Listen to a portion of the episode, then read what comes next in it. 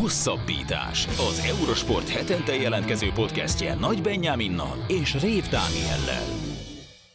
Sziasztok, ez a Hosszabbítás Podcast 127. adása. Ezúttal két interjúval jelentkezünk. Az elsőben Sárkány Zalánnal beszélgetünk, aki az elmúlt heti rövidpályás úszó országos bajnokságon elég komoly eredményeket ért el, és hét érmet is szerzett.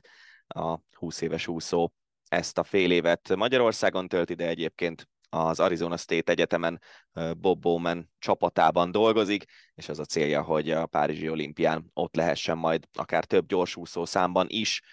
A második részében a műsornak Lőrinc Ábel a vendégünk, akit nemrég neveztek ki a Hammarby svéd élvonalbeli foci csapat vezetőedzőjévé. Igaz, hogy csak a szezon utolsó két meccsére, hiszen az előző vezetőedzőt az angol másodosztályú Queen's Park Rangers igazolta le arról, hogy hogy került Svédországba, meg hogy került a közgazdaságtantól a videóelemzésig. Ábel, erről kérdezzük őt a műsorban.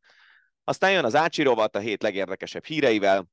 Jannik Sindernek 12 órával az egyik meccse után kellett volna pályára lépnie Párizsban.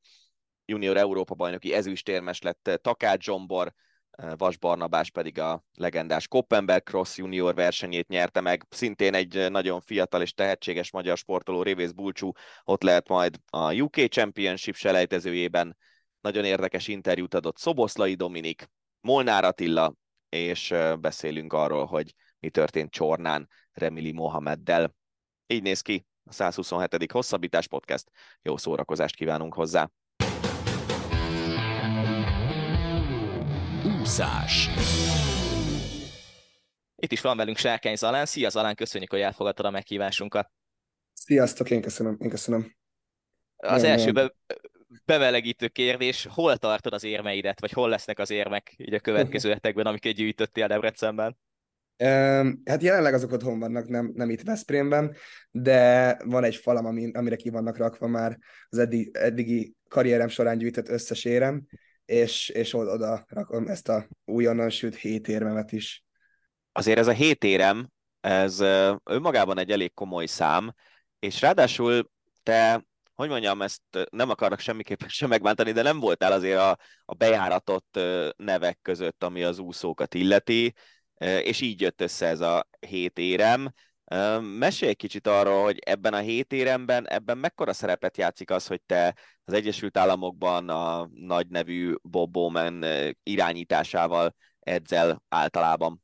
Hát igen, um, szerintem nagyon-nagyon-nagyon sokat jelentett az, hogy ott tudtam felkészülni az elmúlt egy év, hát kevesebb, mint egy évben, illetve főként, ami most, ami most uh, nagyon nagy szerepet játszott, az mindenféleképpen a Lacibának a munkája lehetett, mert tulajdonképpen náluk kezdtem el erre a versenyre könnyíteni, igazából felkészülni, de a technikámat javítani a Bobo menéknél nagyon sokat csináltuk, és emiatt szerintem ők voltak azok, akik egy kicsit így megadták azt a módját, hogy hogyan is kéne javítani azt a technikámat, amit eddig nem úgy ment. És most a gyors technikáról szeretnék főként ebben beszélni, mert, mert az, azzal is sokat javult.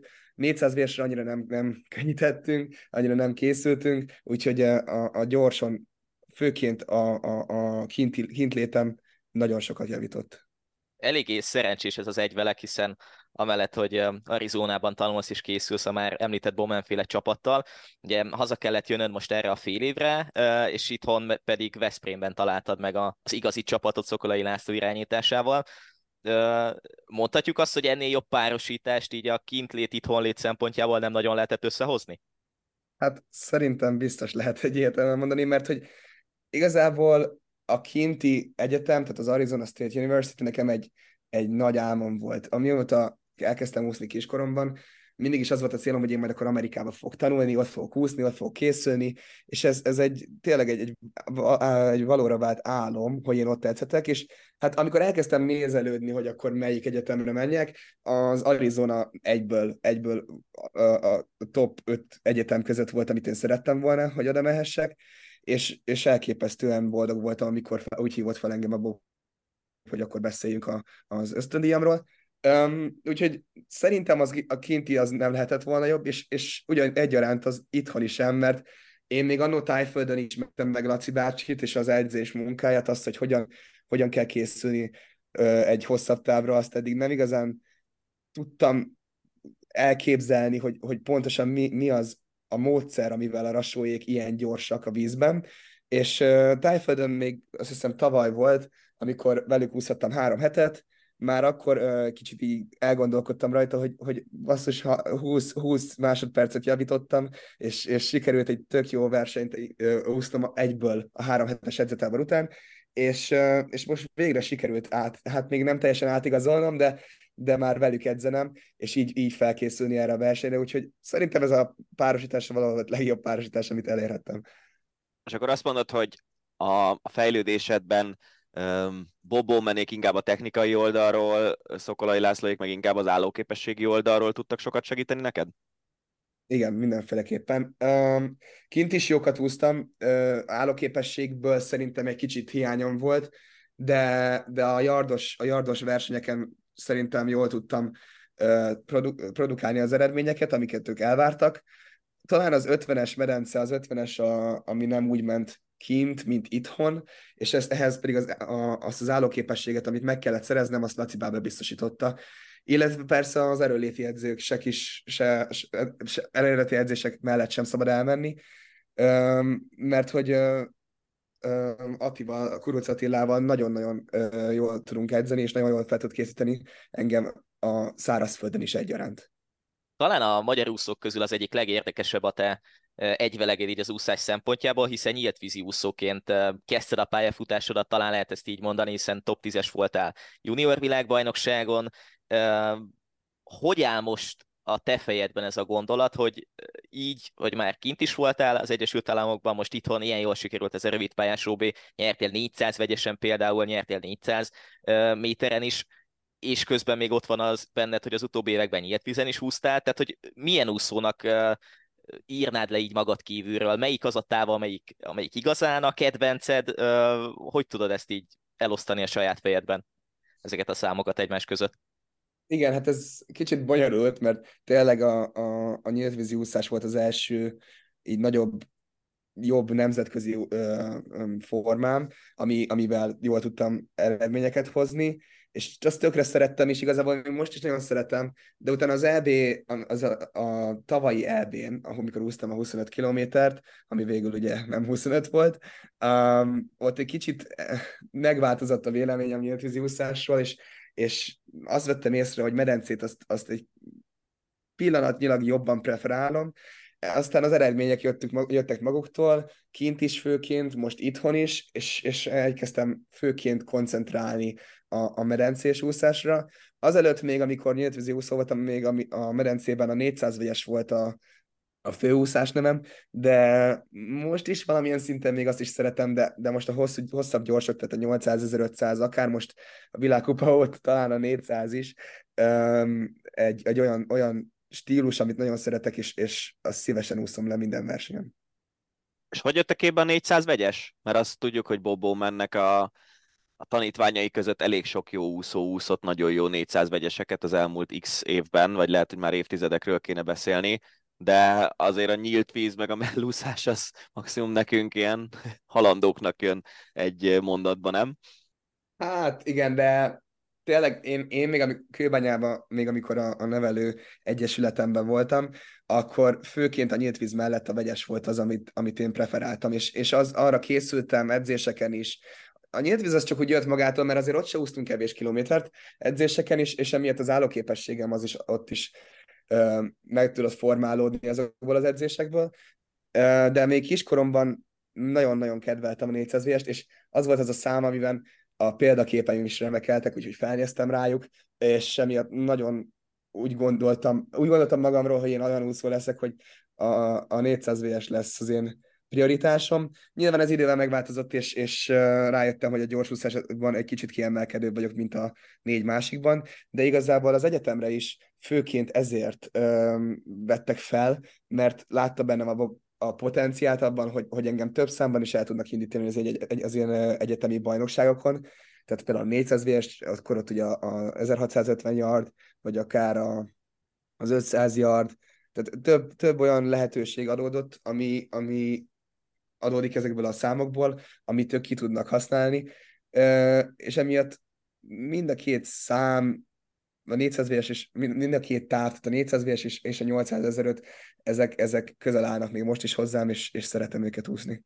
Mesélj egy picit arról, hogy kint hogyan épül fel, vagy hogyan épült fel az edzésprogramot, milyen volt egyáltalán belecsöppeni abba a légkörbe, akár Mársanékkal, akár Hubival, hiszen nagyjából együtt kerültetek ki, mondhatjuk így, ilyen nagyobb időszakot nézve, akár, akár Bobbal, hogyan néznek ki ott az edzések, mi volt az az első, ami leginkább megdöbbentett téged, vagy ami, ami tényleg azt mondta, hogy hú, tényleg megérkeztem ide Arizonába.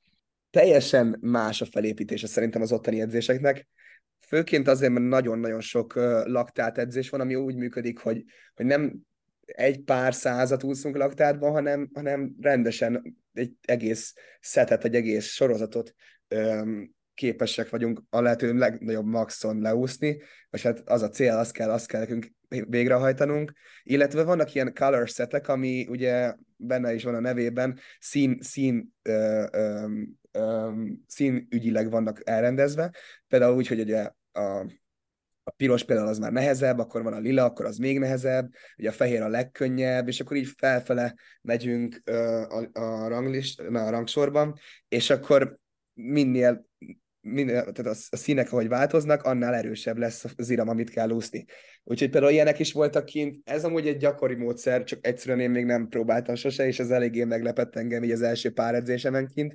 De főként én én nem csak a Bobbal készülök kint, azért emellett sem szeretnék elmenni, hanem Logan Hirkával, aki um, a hosszú távú edzéseket biztosítja az Arizona State-ben.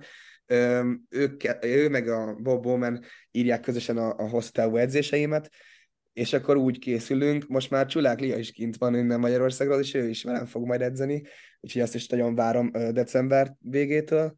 Um, úgyhogy ez talán megdöbbentett egy kicsit, hogy tényleg ott szinte mindenben oda kell rakni magadat, nincs olyan, hogy akkor egy átvezető, edzé, átvezető edzés, nincs olyan, hogy, tek, nincs olyan, hogy külön olyan, hogy technikai edzés nincs, tehát a te, az iramban is technikázunk, és úgy kell javítani a technikát, úgyhogy változatos, szerintem változatosnak tényleg nagyon változatosak az edzések, és az is egy különfajta módszer, ami, ami egyre bevált, és nagyon várom, hogy újra úszassam azokat is december végétől.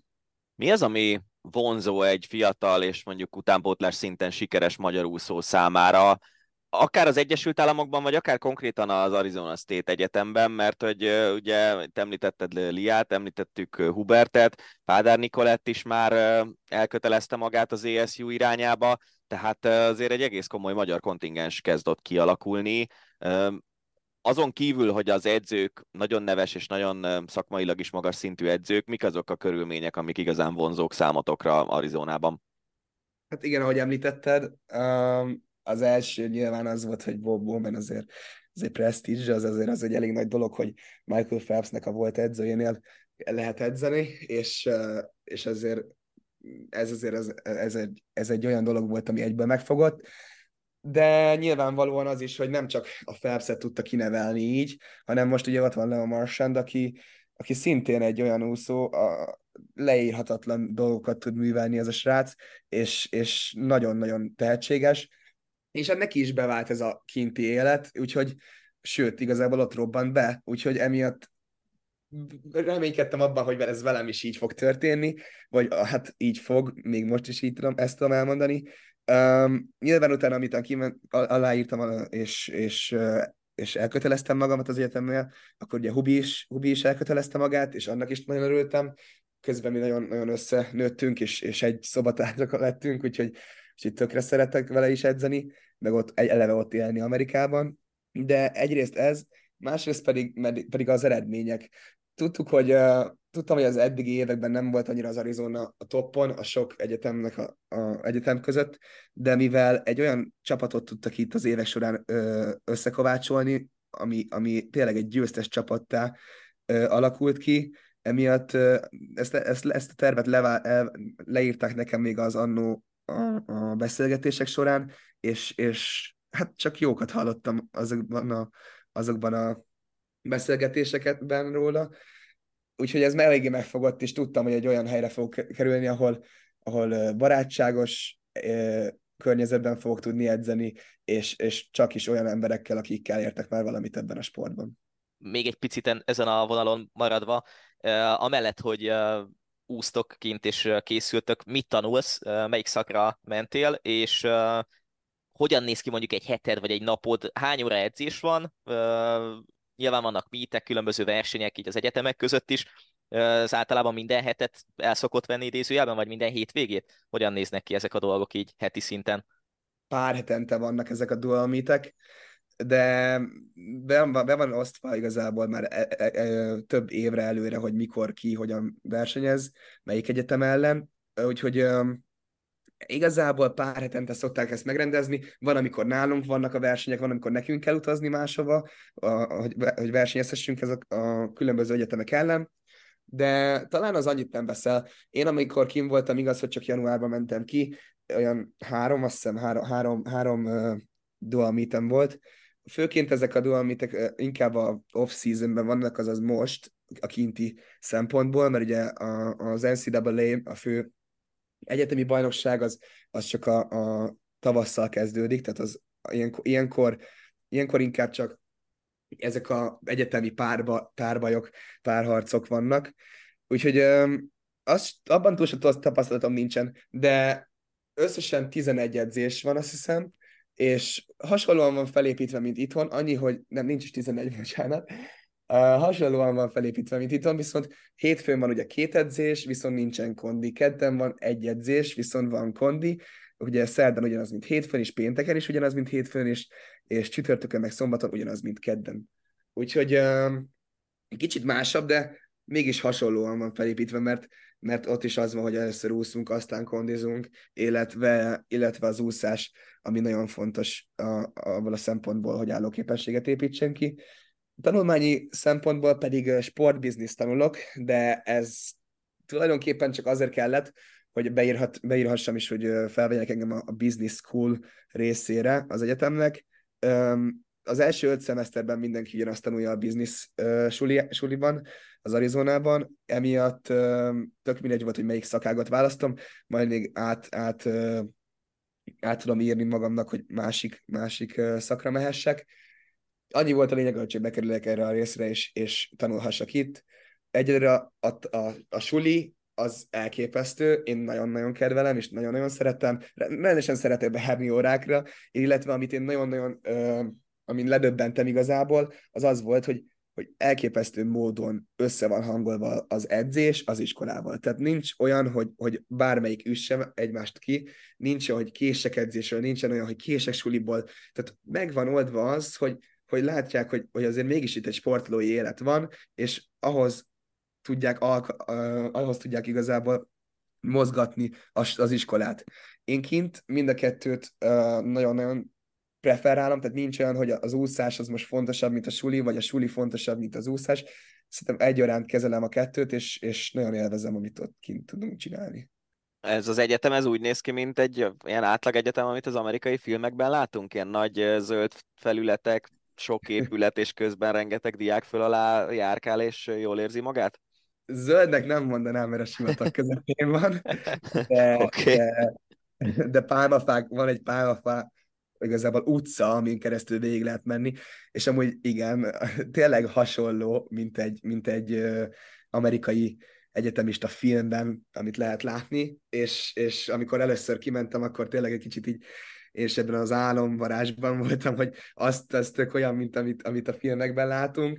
Um, de azért mégiscsak a, a, a suli része az, az azért egy tanulósabb dolog, és nem, nem feltétlen a szórakozás, még a mese van, hanem, hanem tényleg főként az edzések miatt is tényleg csak a, a, a full fókusz arra, hogy a lehető legjobban tudjak tanulni és edzeni is. Térjünk át egy picit a mostani országos bajnokságra, abból a szempontból, hogy 800 gyorsan úsztál egy bődületes rövidpályás országos csúcsot. A következő hetekben pedig, ahogy Sós Csaba is elmondta a bukaresti EB keret hirdetésénél, te nem leszel ott a rövidpályás eb hiszen inkább a nagymedencés versenyekre fókuszálsz és az olimpiai alszintre. Hogy látod így az OB után, melyik lesz, vagy melyikek lesznek azok a számok, ahol különösen megcélzott az alszintet, akár mondjuk a párizsi menetrendet nézve, melyik lehet az a szám leginkább, amire fókuszálsz, és ahol tényleg ott szeretnél lenni az olimpián, és tényleg a szintet akarsz úszni, és, és milyen versenyek lesznek a kövi hetekben, azon kívül, hogy említetted, hogy Győrben lesz majd a december közepi verseny, ahol lehet szintet úszni.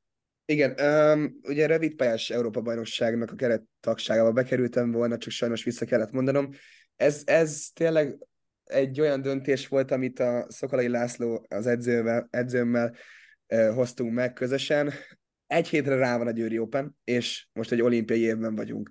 Én nekem egy elképesztő nagy álmom volt az, hogy kiuthassak az olimpiára, úgyhogy ezért teszek meg jelenleg mindent, amit, amit csak meg tudok, hogy meglegyen az az ászint. Emiatt sajnos ezt a rövid pályás elvét akármennyire szerettem is volna, nem ki kell hagynom, és uh, ez Csaba bár nagyon jól meg, megértette, és, és nagyon örülök ennek, hogy, hogy nem volt belőle semmilyen vita. Um, úgyhogy, úgyhogy Győrben ugye nincsen 800, um, a Győri Open-en, emiatt az 1500-on tudom csak megúszni um, az álszintet jelenleg, de jó, nyilván jó lenne, hogyha a 800 gyorsan is meg tudnám úszni, attól egy kicsit még messzebb vagyok, bár ez a Debreceni OB után annyira nem kételkedek abban sem, hogy akár az is meg lehessen. 1500-al járok nagyon közel az álszinthez, és, és tényleg az, a, az, az most a prioritás, hogy azon meg legyen. De az olimpiát nézve, hogyha már ez a kettő megvan, és akár tényleg 400 gyors ott van a képben, akkor mind a hármat nagyon szívesen megúsznám, de persze ez csak akkor, hogyha mind a háromban az ászint meg be fog teljesülni.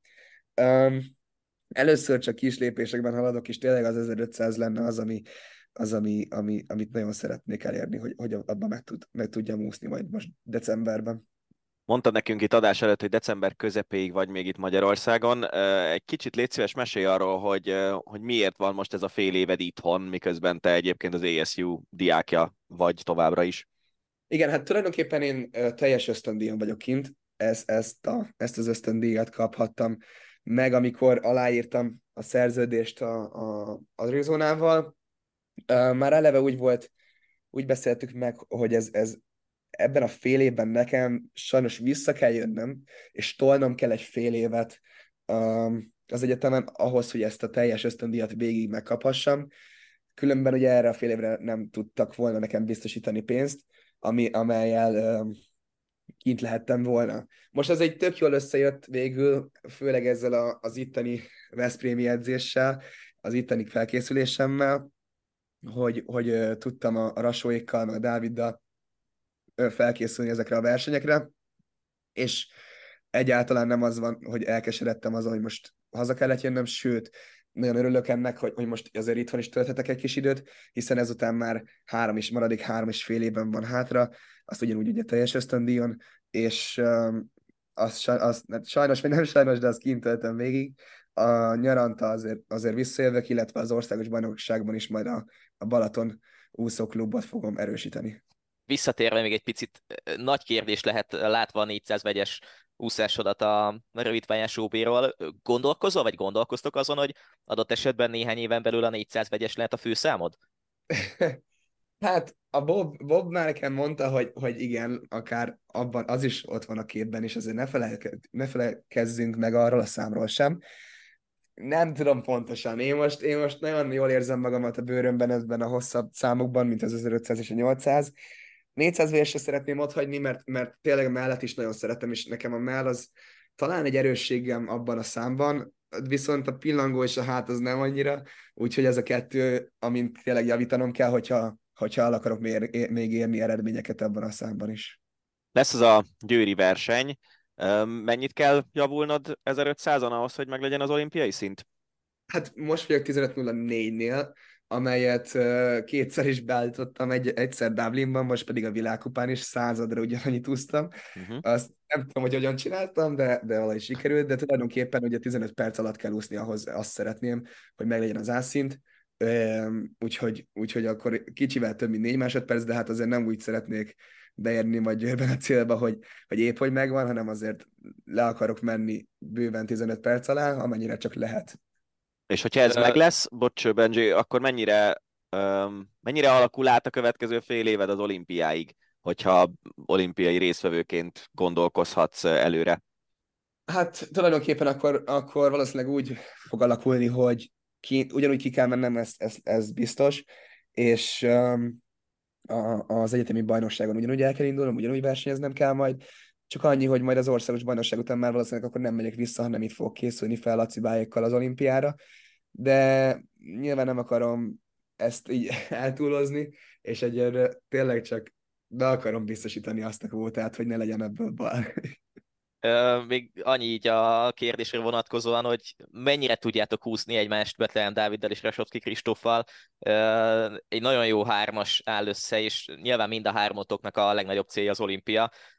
Hogyan néz ki ez a hármas így nálatok, hogyha lehet ezt így hármasnak nevezni?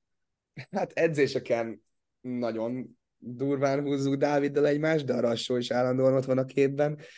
Um, nem mondanám, hogy felosztjuk a feladatokat, mert azért mégsem. Én, én talán karon vagyok kicsit kiemelkedőbb, és, és azon tudok elmenni tőlük jobban, de ugye, ahogy, ahogy itt fel vannak képelve az edzések, a végén azért vannak ilyen hosszabb gyorssorozatok, és ott, ott, ott szoktunk általában nagyon durvákat versenyezni egymással.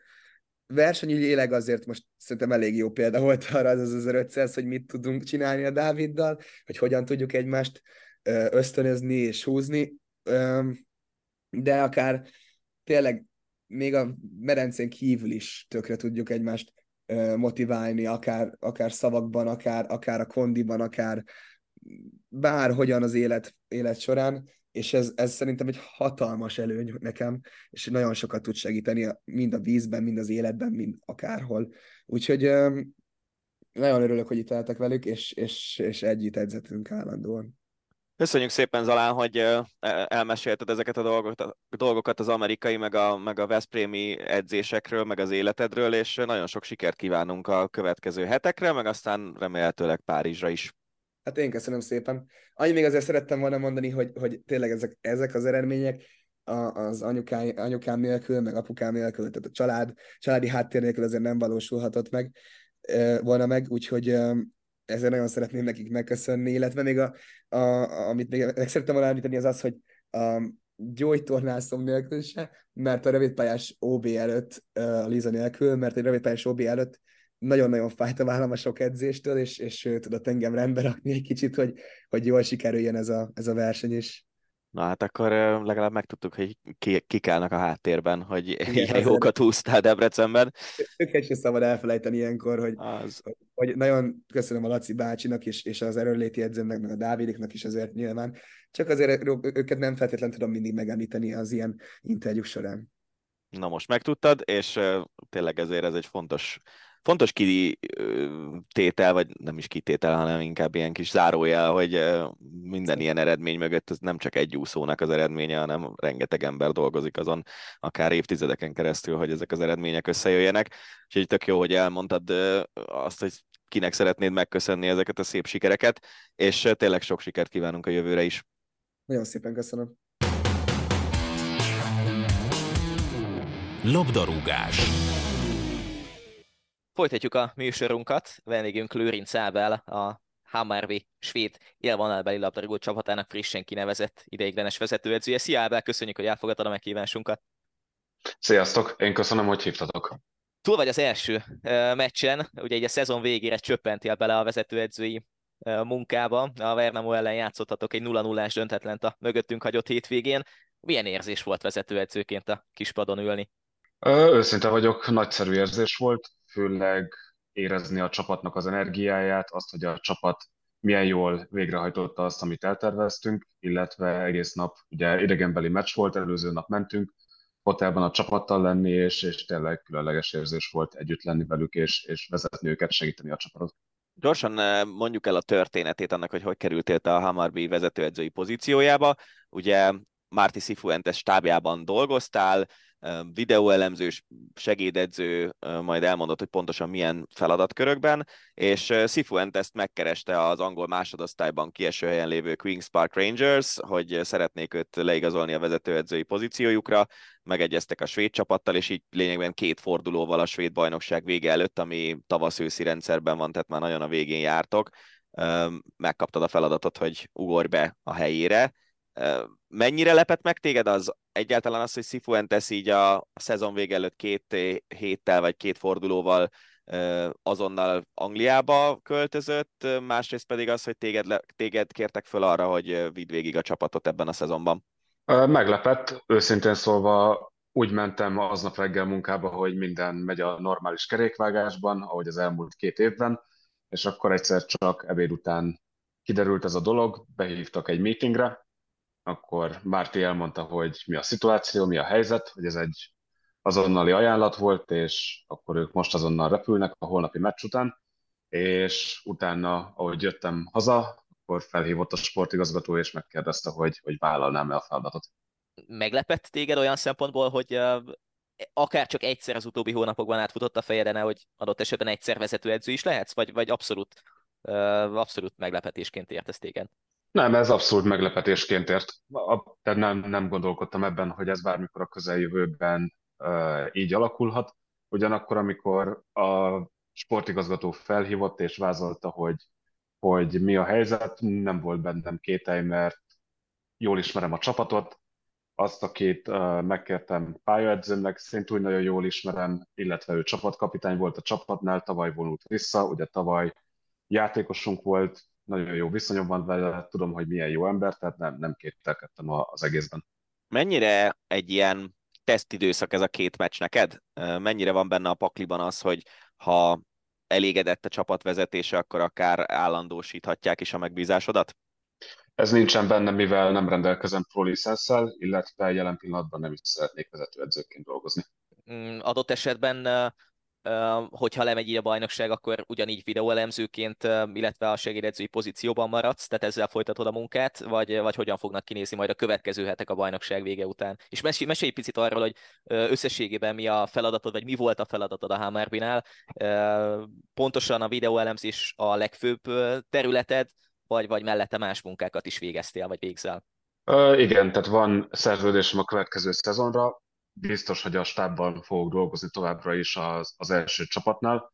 Amit eddig csináltam, az ugye a Cifuentesnek volt egy pályaedzője, akit ő hozott magával, és mellette én voltam a második számú pályaedző. Tehát a felosztásban voltak gyakorlatok, akkor mondjuk a csapat egyik részét én vittem el, vagy velük foglalkoztam, illetve amikor taktikát gyakoroltunk, akkor az én felelősségem volt, hogy a B csapat úgy játszom, mint ahogyan az ellenfél fog játszani a hétvégén, ami egyébként nagyon testhez álló volt, mivel ugye én elemeztem az ellenfeleket, tehát úgymond a stábból én tudtam a legtöbbet arról, hogy, hogy mit várhatunk a hétvégén, ezért nagyon jól be tudtam állítani a srácokat. Továbbá a B, van egy B csapatunk, akik a svéd harmadosztályban játszanak, és nagyon erős az együttműködés, illetve az átmenet a játékosok között, tehát sokszor, például idén is, csak ha végigmegyek a Várnamo elleni kezdőcsapaton, a jobb hátvéd az egyik belső védő, a nyolcas, a hatos, illetve igen, tehát a, illetve a kapusunk, tehát öt, öt játékos a kezdő csapatból a, ebben a B csapatunkban nevelkedett, és legalább egy vagy több évet lehúzott ott, és foglalkoztam ugyanígy a B csapattal, ott voltam a meccseken, ott ültem a padon, pályaedzőként részt vettem az edzéseken, tehát sokféle feladatköröm volt. Ez nagyon érdekes, amit mondasz, mert ez azt jelenti, hogy így az egész klubban lényegében te voltál az egyik olyan személy, aki a legjobban átlátta a klubot így unblock, nem csak az egyes csapatokat, és emiatt így egészen logikusnak tűnik a te kinevezésed a számomra. Beszéljünk egy kicsit arról, hogy ugye te Skóciában végeztél el képzést, ami a videóelemzésre vonatkozik, és utána visszakerültél Magyarországra, utána Dániába kerültél, aztán jött Svédország. Hogy jött neked az, hogy jelentkezzél mondjuk innen Magyarországról Skandináviába, mennyire volt vonzó számodra a skandináv életstílus, mennyire érzed jól magad azon kívül, hogy a magát a munkát azt elvégzed, mert az, az talán azért hasonló lenne bárhol Európában. Amikor a Puskás Akadémiánál dolgoztam, ugye ők voltak az utolsó klub, akikkel dolgoztam eddig Magyarországon, illetve a Honvédnál is tehát tudtam, hogy egyszer szeretnék külföldön dolgozni, és ez az álmom. Szerintem azzal, hogy az ember megismer más kultúrákat, más futballt, más um, világlátást, ezzel csak többé válik, és őszintén szóval nem láttam azt, hogy, hogy mondjuk egy országban dolgozzak 20 vagy 30 évet. A döntésemben nem játszott szerepet az, hogy Skandináviában volt egy megkeresésem, hanem tudtam, hogy ha egyszer lesz egy megkeresésem, tök mindegy, hogy az, az milyen, akkor muszáj menni, mert magyarként a világ futballjában nagyon nehéz külföldre kerülni, ez a, ez a realitás. És Magyarországon a Puskás Akadémia az egyik legnagyobb klub, és onnan kerültem az egyik legkisebb Dán klubhoz. Őszinte leszek, nagyon nehéz volt, szinte egész életemben Budapesten éltem, előtte éltem Londonban, és oda kerültem egy 20 ezer fős kisvárosba, kis túlzással, hát mondjuk azt, hogy a semmi közepén, tehát nehéz volt, hogy az edzések után az ember nem tudott mit csinálni, nyilván nem ismertél senkit, nehéz volt az élet, és amikor volt ez a megkeresésem Stockholmból, akkor, akkor tehát nem gondolkodtam rajta sokat, hogy egy nagyvárosba kerüljek, egy nagy klubhoz újra, viszont itt abszolút megtaláltam a, a számításaimat, nagyon sok ember, emberrel megismerkedtem, a családi életem is úgy alakult, hogy, hogy számomra abszolút most az a célom, hogy pár évet itt töltsek, és, és, és nem szeretném azt, hogy a pályafutásom csak abból álljon, hogy két évet egy klubnál vagyok, aztán két évet megint egy másik klubnál, tehát úgymond egy második otthonomként gondolok Stockholmra. Egy ehhez kapcsolódó gyors kérdés, hogy arról nem volt szó, hogy Marty Sifuentes vinne magával téged is a Queen's Park Rangershez? Őszintén szólva, tehát olyan gyorsan jött ez az egész, Márti közölte, hogy ez a helyzet, és erről nem beszéltünk se előtte, se utána. A világ futballja az, az így alakul, hogy egyik napról a másikra változnak a dolgok, tehát ilyenekről nem beszélgettünk, de az ellenkezőjéről sem. Mm, ma mellett, hogy nyilván a te életedben nagy váltás volt, hogy előbb Dániába kerültél, aztán Svédországba, amellett nyilván szakmailag is minden egyes kultúra, futballkultúra más és más. Mesélj picit arról, hogy két évvel ezelőtt nyáron mekkora volt szakmailag éles váltás a Puskástól Dániába kerülni, és aztán tavaly márciusban mennyire volt szintén váltás, vagy nagyobb váltás Dániából a, a svéd bajnokságba igazolni. Amiben nagyon nagy váltás volt, hogy a Dán klubot amerikai befektetők vették meg, és övék volt a Specia Olaszországban, akkoriban a szériában szerepeltek, illetve a Casapia a portugál első osztályban, és a három klub nagyon szorosan működött együtt, az adatalapú elemzésekkel, adatalapon keresték a játékosokat a piacon, és uh, tudtam egy kicsit dolgozni a speciálnál is, segíteni nem közvetlenül Tiago Motta munkáját, de az ő elemzőjének a munkáját segíteni egy kicsit. Tehát érdekes volt úgymond külsősként belekóstolni abba, hogy Olaszországban vagy a szériában hogy dolgoznak, illetve hogyan tud három klub együttműködni egy közös stratégián. Amiben még nagy váltás volt, hogy itt Skandináviában sokkal egyenlőbb a társadalom, illetve a döntések is sokkal inkább közösen születnek, tehát úgymond sokkal inkább stábban dolgoznak az emberek, több embernek van hozzászólása ahhoz, hogy milyen irányba haladnak a dolgok, és ez nyilván teljesen, teljesen más, mint ami, ami otthon megszokott. Hogyha ilyen infrastruktúrális körülményeket nézünk, akkor a, azok a munkahelyeid, ahol Magyarországon dolgoztál, a Honvéd, illetve a Puskás Akadémia, ezek felveszik a versenyt egy svéd első osztályú csapat körülményeivel, akár jobbak is, mint a svéd első osztály. Ez hogy néz ki ez az összehasonlítás?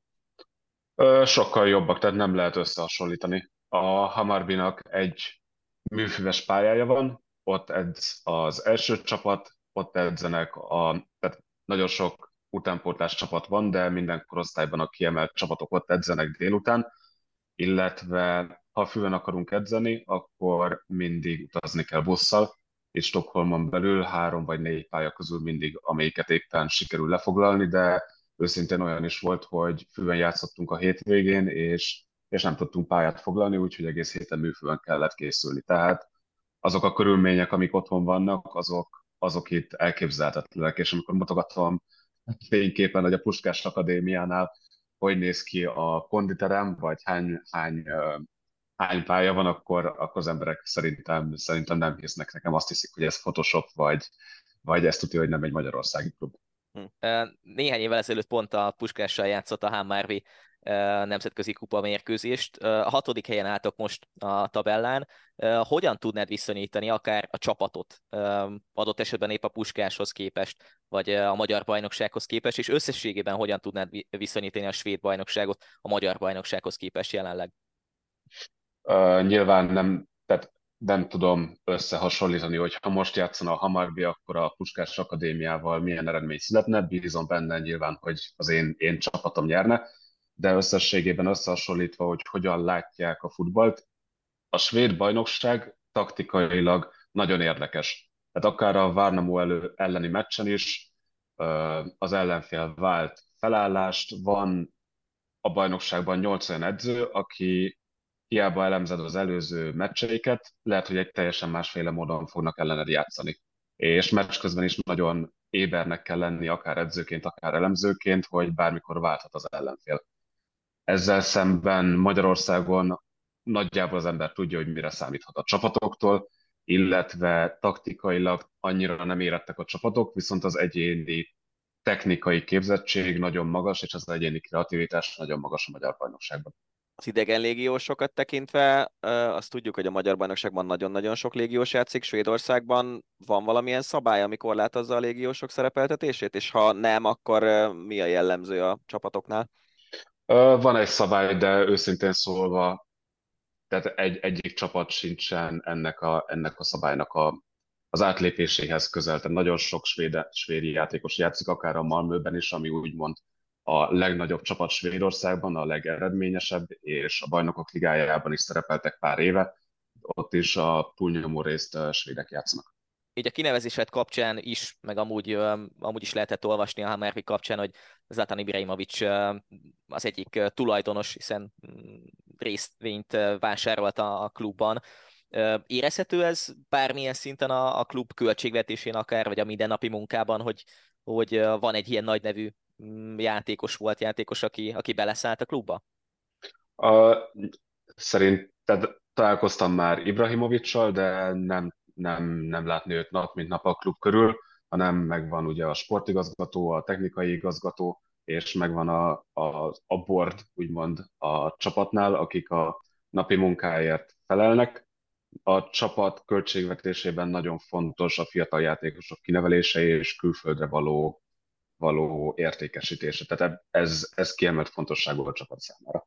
És akkor, hogyha ebb, ez az, ami a csapat célja, lényegében ugye egy piaci működés, egy fenntartható piaci működés ennek köszönhetően, akkor mekkora hangsúlyt kap az utánpótlás? Nagyon-nagyon sok gyerek jön a Hammarbyhez focizni?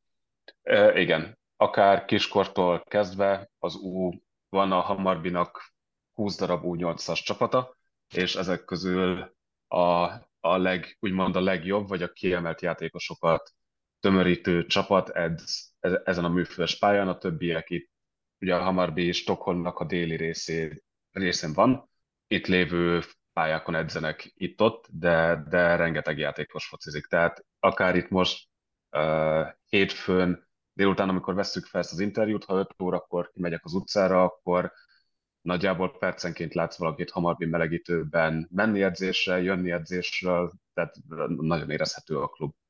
És ezek a gyerekek, akik melegítőben jönnek, ők fölismerik Lőrinc Ábelt, az új vezetőedzőt? Néha volt olyan, hogy igen, láttam, hogy felismertek, vagy volt olyan, hogy mentem étterembe, és akkor nyilván ott odajöttek emberek, tehát itt, itt, ha valaki a klubnál dolgozik, vagy egy prominensebb pozícióban van, akkor, akkor felismerik. Nem titok, hogy közgazdás, közgazdász végzettséged van. Mesélj egy picit arról, hogy hogyan jött az neked annó tíz évvel ezelőtt nagyjából, hogy, hogy videóelemző legyél, és hogyan csöppentél bele ebből a szempontból a fociba? Igen, ez egy érdekes történet. A Corvinus után nagy multicégeknél dolgoztam, de tudtam, hogy ez nem nekem való, és az utolsó munkahelyemen volt is egy főnököm, aki behívott, és mondta őszintén, hogy Ábel, ez nem neked való, és én, én mondtam, hogy én tudom, tehát nem, nem is ellenkeztem vele egy pillanatig sem, tehát ez, ez teljesen nyilvánvaló volt, hogy nekem irodában ülni, a a számítógép előtt napi 8 órában ez, ez, ez, ez, ez nem pálya. És úgyhogy őszintén szóval blogoltam a futballról, Jonathan Wilson könyvének az inspirációjából kezdtem látni, hogy van valamilyen fajta rendszer a futballban, és úgy gondoltam, hogy fiatal vagyok, nincs családom, mikor, ha nem most, adok ennek egy esélyt, és írtam minden magyarországi klubnak, és a Honvédtól írtak vissza, és, és így kezdődött a történet lehet, hogy csak az én fejemben van az, hogy ezért egy videó elemző az igen sok időt eltölt a számítógép előtt, még hogyha nem is napi 8 órát, mint amit egy ilyen irodai munkában. Mondjuk hogy nézett ki, mielőtt a vezetőedzői pozícióba kerültél egy átlagos munkanapod? Mennyit, mennyit töltöttél elemzéssel, mennyit töltöttél effektíve a pályán a játékosok felkészítésével? Reggel nyolckor volt találkozunk, akkor terveztük az, e- a reggeli edzést a stábbal. Általában 9.45-kor volt egy prezentáció a csapatnak, akár a napi edzésről, vagy az ellenférről, vagy az előző mérkőzésről.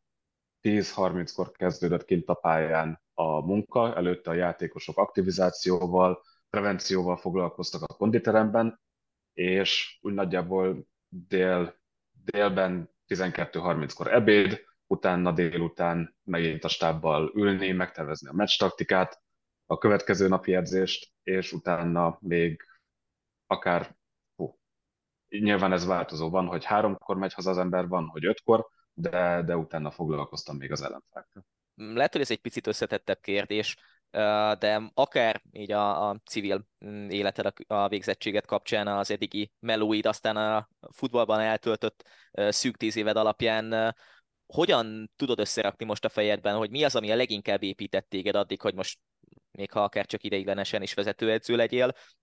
Melyikek voltak azok a legfontosabb mozzanatok a te pályafutásodban szakmailag, amik ide vezettek most eddig a pillanatig téged? Nagyon sok olyan pillanatom volt, ami, amiért hálás vagyok. Szerintem, tehát őszintének kell lennem, nagyon sokszor hihetetlen szerencsém volt, tehát ez, ezt a történetet, hogyha bárki tíz évvel ezelőtt mondta volna nekem, akkor biztos, hogy nem hiszem el, és tényleg tehát szerencsé nélkül nem sikerült volna. Ugyanakkor az is szerencsének tartom, hogy nagyon sok különböző edzővel, különböző típusú csapattal dolgozhattam, különböző szituációkban voltam, és alapvetően annak ellenére, hogy elemző vagyok, a futball az emberekről és a játékosokról szól. Tehát mindig próbáltam úgymond empatikus lenni, és belegondolni, hogy most az edző ezt miért mondhatta, vagy miért így közelítette meg ezt a szituációt, vagy miért így fogunk játszani. És szerintem az, hogy sokféle szituációval találkoztam, az nagyon, nagyon sokat épített engem az évek alatt. Magyarországon azért gondolom követed az itteni életet annak ellenére, vagy foci életet annak ellenére, hogy külföldön dolgozol. Az elmúlt években az egész komoly viták, ilyen cikksorozatba torkoló viták voltak a futballhoz való hozzáállásban az analitikai vagy a régi típusú fociról való gondolkodás élharcosai között. Gondolom, hogy te elemzőként azért nagyon benne vagy a különböző analitikai dolgokban, de van olyan szituáció, amikor ezt félre kell tenned, és azt kell mondani, hogy most, most ne, nem, szak, nem azzal kicsit, mint hogy az ember az agya helyett a szívével gondolkodna, hogy nem azt kell mondanom a játékosaimnak, amit az analitikai gondolkodás megkívánna, hanem valami mással tudom jobb teljesítményre sarkalni őket? Száz százalékig.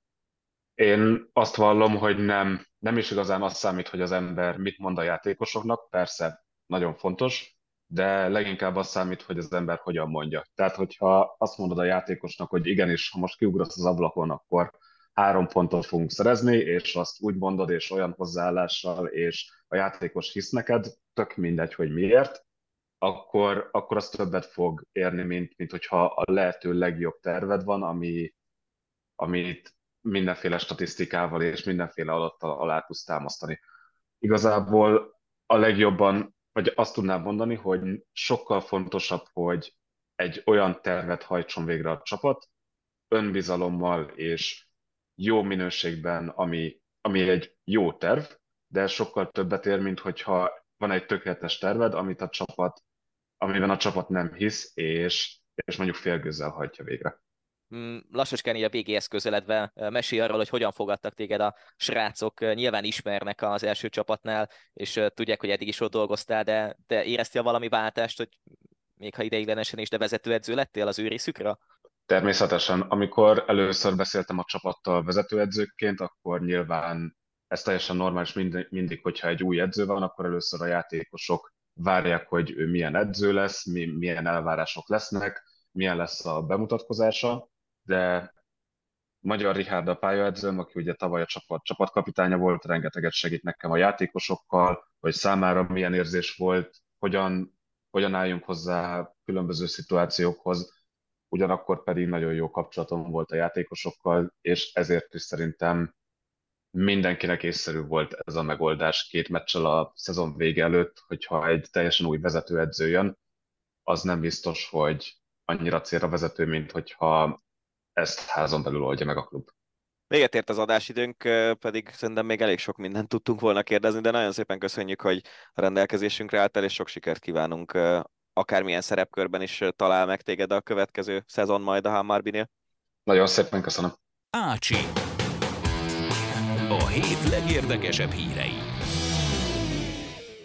Ahogy szoktuk, ezúttal is az Ácsival zárjuk a hosszabbítást, összeszedtük az előző hét legérdekesebb, legkülönlegesebb sporteseményeit, és egyből ajánljuk magunkat, hiszen az Eurosportnál itt úgy döntöttünk, hogy egy picit átalakítjuk a napi hírlevelet, és ezen túl majd heti hírlevél formájában jelentkezünk minden hétfőn, úgyhogy ha szeretnétek a legérdekesebb híreket, akár saját cikkeinket olvasni, mindig az adott hétről, akkor a következő hétfőn azt megtehetitek, így ezen a hétfőn is megtehettétek, hiszen már elkészült az első ilyen cikkünk. Emellett pedig ajánljuk azt is, hogy a Hoeke podcastet hallgassátok, hiszen ez is egy új kezdeményezés nálunk, úgyhogy aki a téli sportokat szereti, az minden héten találkozhat új podcasttel.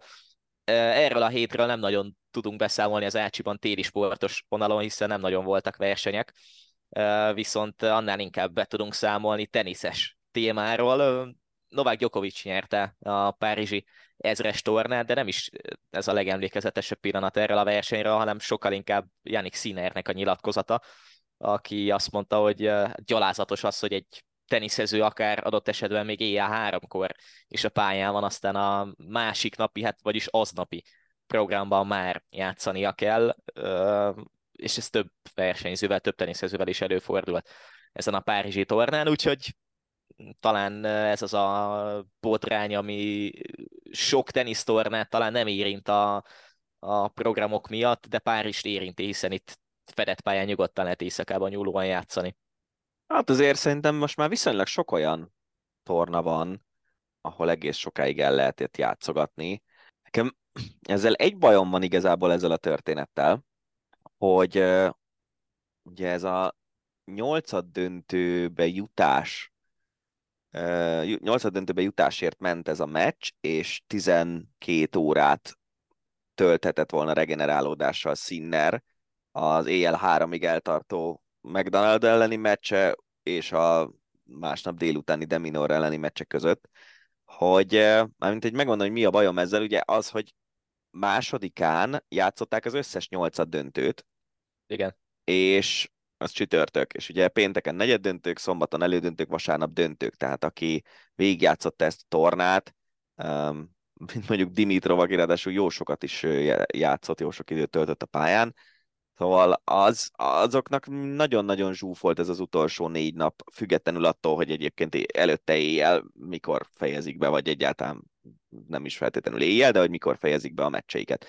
És, és hogy általában az van, hogy azért, hogy a televíziós társaságok tudjanak kalkulálni a másnapi meccsekkel, ezért nagyon sokszor előfordul, hogy a másnapi úgynevezett order of play, ez a lényegében a program, ami alapján beosztják a másnapi meccseket, meg a másnapi pályákat, az elkészül már nem tudom, mikor ilyen délután 5-6-7, este 7, ilyesmi időpontban. Ja. És a- azzal nagyon nehéz számolni, hogy megcsúszik az aznapi program este, és aztán emiatt valaki a másnapi programban nagyon kevés pihenővel tudjon játszani. Tehát abszolút megértem a játékosoknak a kritikáját, meg ilyesmit, de szervezői oldalról, ha nézzük ezt a dolgot, akkor szerintem nem könnyű a történet. Biztos, hogy kell hozzá rugalmasság, és ez nem feltétlenül van meg. Nem tudom őszintén szólva, hogy a Párizsi tornánat hány pályán játszottak, és milyen logisztikája volt az egésznek. Biztos nem elvárható egy teniszezőtől, hogyha éjjel háromkor még a pályán volt, akkor másnap délután ötkor megint pályán legyen.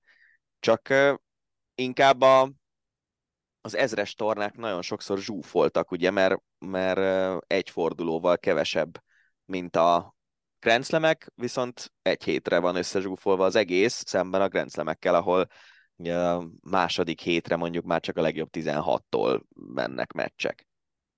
Igen, szerintem amúgy az lehetne megoldás ebből a szempontból néhány ezres tornánál mindenképpen, ami mondjuk Miami-ban és Indian Wells-ben van, hogy ott ugye nem feltétlen kell besűríteni abba az egy hétbe, hanem van még egy-két plusz nap, vagy adott esetben még idő arra, hogy, hogy játszanak normálisan. Tehát ugye a salakos ezres tornáknál is az van, hogy egy hétbe kell belesűríteni, Párizs is ez a helyzet, úgyhogy ja, tehát nem mindenki engedheti meg magának, hogy, hogy, hogy mondjuk néhány plusz napot még hozzátegyen. Igen, igen, csak akkor meg lehet, hogy nem kell 64-es tornát rendezni, hogyha 7 hát napot ja. van. Igen. Mert ugye ez önmagában az azt jelenti, hogy ez 6 forduló. Igen. És, és kvázi ugye az első két nap lemegy az első, és akkor onnantól minden nap játszani kell. Igen. Szóval, meg ráadásul ahhoz azért sok pálya is kell, hogy mondjuk egy két nap alatt, az azt jelenti, napi 16 meccs csak az egyeseknél, és akkor még a páros tornáról nem beszéltünk, ami szintén Igen. zajlik ezeken a tornákon, páros torna is. Szóval ne, nehéz azért szerintem ezt logisztikailag megcsinálni, meg, meg ilyen szervezői szempontból, hogy, hogy úgy változtass, hogy tartalékolsz, nem tudom, ilyesmi. Meg ugye a másik dolog, ami miatt viszont, amivel a szervezőknek dolgoznia kell, az az, hogy az sem működik, hogy mondjuk ugyanaz a játékos minden este esti programot játszon, mert akkor a, azok, akik másra kíváncsiak az esti programban, azok reklamálnak, hogy hol, hát tegnap is színner volt, most megint miért színner van, én Gyokovicsot akarom látni. Igen.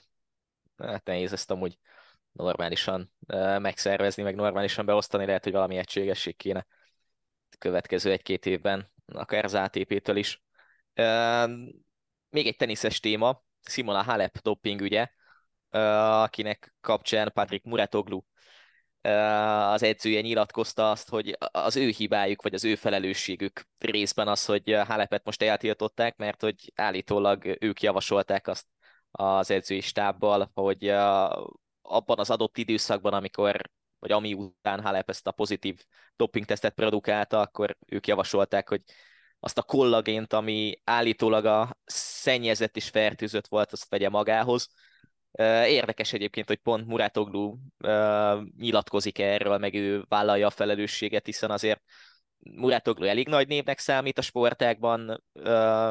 Nem tudom, hogy ez változtat-e valamit azon, hogy milyen ennek a dopingügynek a megítélése, és hogy egyáltalán majd a Nemzetközi Sportdöntő Bíróságnál változtat ez bármin a fellebezésnél.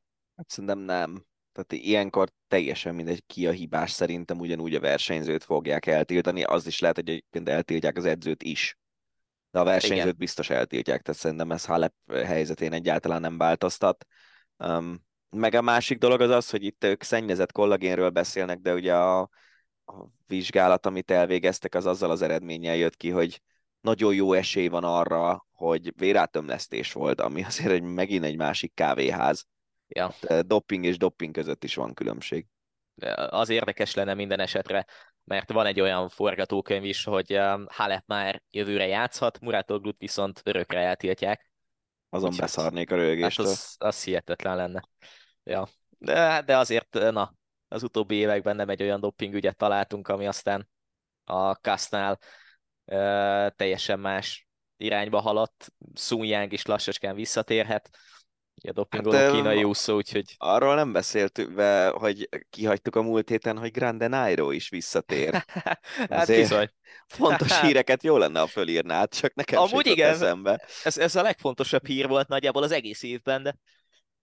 Nairo igen. Quintana, ő ugye nem, ö, nem követett el dopingvédséget, mert hogy a vadánál a tramadol az nem tiltott szer, de az ucinál az, és az, a leginkább a Tour de France szervező cége nem szerette volna újra Kintánát a Tour rajt listán látni, de lehet, hogy 2024-ben kénytelenek lesznek elszenvedni ezt. De mekkora az a történet, hogy pont a Movistárnál ja, tér vissza. Is. Hát most már nincs Valverde, nincs Landa. Hát most már egyenes az út a Tour győzelem felé. Egyes úgy... számú kapitány szerintem. Szerintem a többi esélyes le is húzhatja magát a Budin nagyjából a Tour szempontjából, úgyhogy hiába nyilatkoznak itt sokan, hogy Pogacar, Roglic, Vingegor, Evenepul, most már Gegenhardt is azt mondta, hogy ott lesz a túron. Szerintem Grande Nairo Grande Nairo jó lesz, meglátod. Megcélozza, így van. Ö, maradjunk bringás vonalon, egy picit más műfaj, más szakeg, Cyclocross Európa bajnokságot rendeztek vasárnap, és amellett, hogy itt is ajánljuk magunkat, hiszen Szabó Bence és Bognár Peti kollégánk nagyon-nagyon faszak is videót összerakott a Cyclocross hátteréről szakkommentátorunkkal, Szalma Csabival, YouTube csatornánkon meg lehet ezt nézni.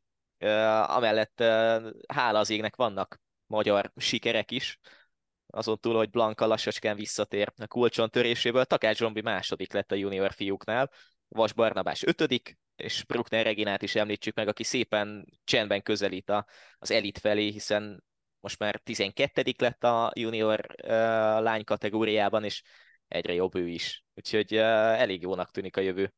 Igen, és ugye a cyclocrossos alapok azok később más szakágakban is kifejezetten jól jöhetnek, úgyhogy ez tök jó lenne. Egyébként Blankától én valamikor kérdeztem, hogy, hogy már erősebb nála erősebb-e nála már az öccse, és azt mondta, hogy igen, és valamikor ez most volt szerintem a nyáron. Aha. Úgyhogy azért el tudjuk képzelni, hogy egy 17 éves srác a világ egyik legjobb, jó, világ egyik legjobb, lehet, hogy ez túlzás, de mindegy, az 23-as világbajnok nőnél erősebb, akkor ez nem lehet egy nagyon, nagyon rossz kezdet egy karriernek és azért azt is tegyük hozzá, hogy Takács Zsombi, aki most második lett az EB-n, a Cannibal Victorious utánpótlás csapatánál teker, tehát az a Bahreinek mhm. gyakorlatilag az utánpótlás csapata, úgyhogy simán előfordulhat, hogy előbb-utóbb országúton is uh, egyet lép feljebb. Hát igen, meg a, nem is feltétlenül, kicsit a, ugye mi országút is szemüvegen keresztül nézzük ezeket a bringásokat, és egy pályaversenyen is talán azokat ismerjük jobban, akik országúton is versenyeznek, meg ugyanez érvényes a mountain bike-ra, meg a cyclocrossra is, de hogy ha Takács Zsombor életében egy kilométert nem versenyez országúton, idézőben csak cyclocrossban világkupa győzelmekért, meg nem tudom milyen eredményekért fog harcolni, az már azért egy elég sikeres pályafutás önmagában. Persze általában azok, akik cyclocrossban nagyon jók, azok jók szoktak lenni országúton is, de van ellenpélda is egy csomó. A, lényegében ugye a, ha kiveszed az UFO-kat, akkor a cyclocrossnak az élmezőnye az nem nagyon mutatta meg magát eddig országúton. Fanturen Hauték, aki most nyert az EB-n, meg Izerbit, meg mit tudom én, Lorenz Vék. Ezek Igen. a versenyzők nagyon kevés országúti versenyen indultak uh, UCI szinten. Igen. Úgyhogy, uh, ja, elégedettek leszünk azzal, hogyha zombiék idézőjelben csak cyclocrossban lesznek ott majd a felnőtt Igen. szinten is. Viszont, viszont azt én nem értettem, hogy idén Fem Fanempel miért olyan keveset versenyzett országúton. Nem tudom. Mert ő Látszik, szerintem hogy... ő, ő kegyetlenül erős. Igen, és uh, Montiban sem versenyzett, versenyzett sokat, pedig ott is volt egy olyan nyilatkozat, hogy megcélozza az olimpiát, ha minden igaz. De ja, lehet, hogy ő inkább fókuszál most a a cyclocrossra, és aztán mondjuk országúton próbál meg valamit Jó, de hogy ha CX világbajnok vagy, akkor mit veszíthetsz azzal, hát hogy elindulsz az... országúton is versenyeken? Hát meg azért sokszor néztük a szezonban, már amikor indult uh, országúti versenyeken, hogy eléggé jól versenyzett. Tehát... Nyilván. Ja. Peterse is ugye elindult a Strade Bianchén, és lett ötödik vagy hatodik, tehát egy nagyon Igen. azért ezek Igen. a, a nőknél ezek a multidisciplinás versenyzők általában, hogyha egyikben ott vagy legjobb négy-ötben, vagy mondjuk olyan szinten emelkedsz ki, mint ahogy Montiban Peterse kiemelkedett, akkor azért a, a többiben se leszel rossz. Igen. Főleg, hogy ebben az irányban, mert nyilván aki Annemiek van Flöten sose fog cyclocross verseny, verseny nyerni, de, de hogy a, az ügyesebb vagy ügyesebb kerékpárkezelést igénylő szakágakból az országútba átmenni, az, az egyértelműen működik. Igen, ezt látjuk sokaknál. Ha már fiatalok, akkor egy picit más sportágban viszont hasonlóan nagy magyar sikerrel számoljunk be, mint mondjuk Takács Zsombiék esetében. Ja, és Vasbarnit ne felejtsük el, még cyclocrossra visszasötve, vagy megnyerte a Koppenberg cross a hét közepén, ami az egyik legnehezebb verseny cyclocrossban, úgyhogy amiatt is egy hatalmas taps juniorok, neki. juniorok között. Igen, igen, igen. Szóval Révis Bulcsú, a legjobb magyar snooker játékos meghívást kapott a UK Openre, Ugye márciusban lett U18-as Európa bajnok, aztán ott volt a VB selejtezőjében, most pedig bár számított arra, hogy ott lehet a selejtezőben a UK Open-en, azért ez egy nagyon nagy teljesítmény, ráadásul úgy, hogy még mindig baromi fiatal a többi snooker játékoshoz képest is, és úgy tűnik, hogy, hogy szépen összeáll neki az a pályafutás, ami aztán ki tudja, hogy hova vezethet.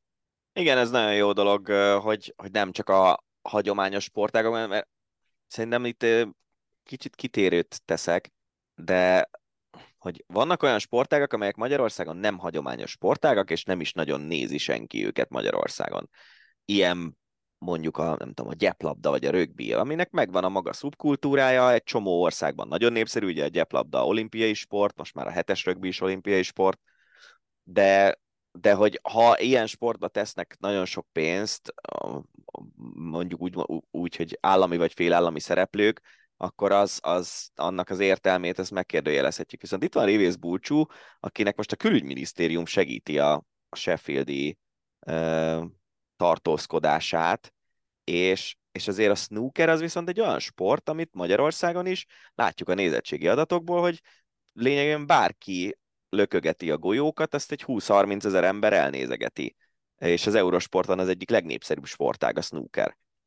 És, és hogyha ebben van egy srác, akinek egy pici anyagi segítség kell, gondolok itt arra, hogy, hogy egy, akár egy nagyobb cégnek is néhány millió forint az igazából nem látszik a költségvetésében, és ennyi kell egy srácnak ahhoz, hogy ő eljusson mondjuk arra a szintre, ami, ahol már tévében is látjuk őt, és az a 20-30 ezer ember az lehet 50 ezer, és szurkolhat neki, az szerintem megint egy nagyon másik történet, és, és örülök neki, hogy, hogy talált állami támogatást is, Bulcsó amellett, hogy egy csomó magánember segítette az ő pénzgyűjtő ilyen kampányát.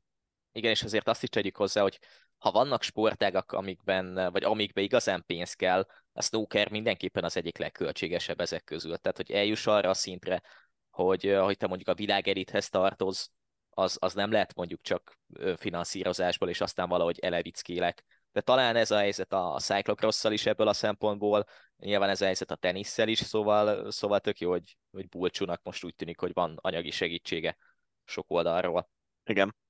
Folytassuk tovább focival, méghozzá az egyik legfrissebb hírrel, hiszen um, úgy volt, hogy a bolgár-magyar elb selejtezőt majd Szófiában nézők előtt rendezik.